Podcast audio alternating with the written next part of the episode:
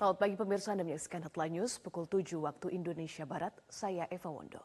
Pemirsa pihak PT Indonesia Morowali Industrial Park berjanji memberikan bantuan santunan pendidikan bagi anak korban tewas dalam ledakan smelter nikel PT Indonesia Singstan Stainless Steel.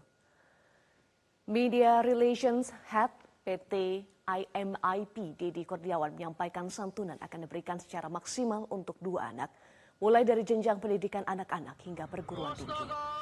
Selain santunan pendidikan, perusahaan juga memberikan santunan 600 juta rupiah untuk setiap korban meninggal dunia. Santunan ini sebagai bentuk kepedulian perusahaan dan akan diserahkan secara simbolis kepada perwakilan ahli waris korban.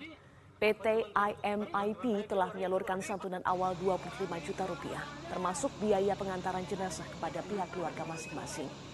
Koordinasi dengan BPJS Ketenagakerjaan juga dilakukan untuk memberikan santunan lain.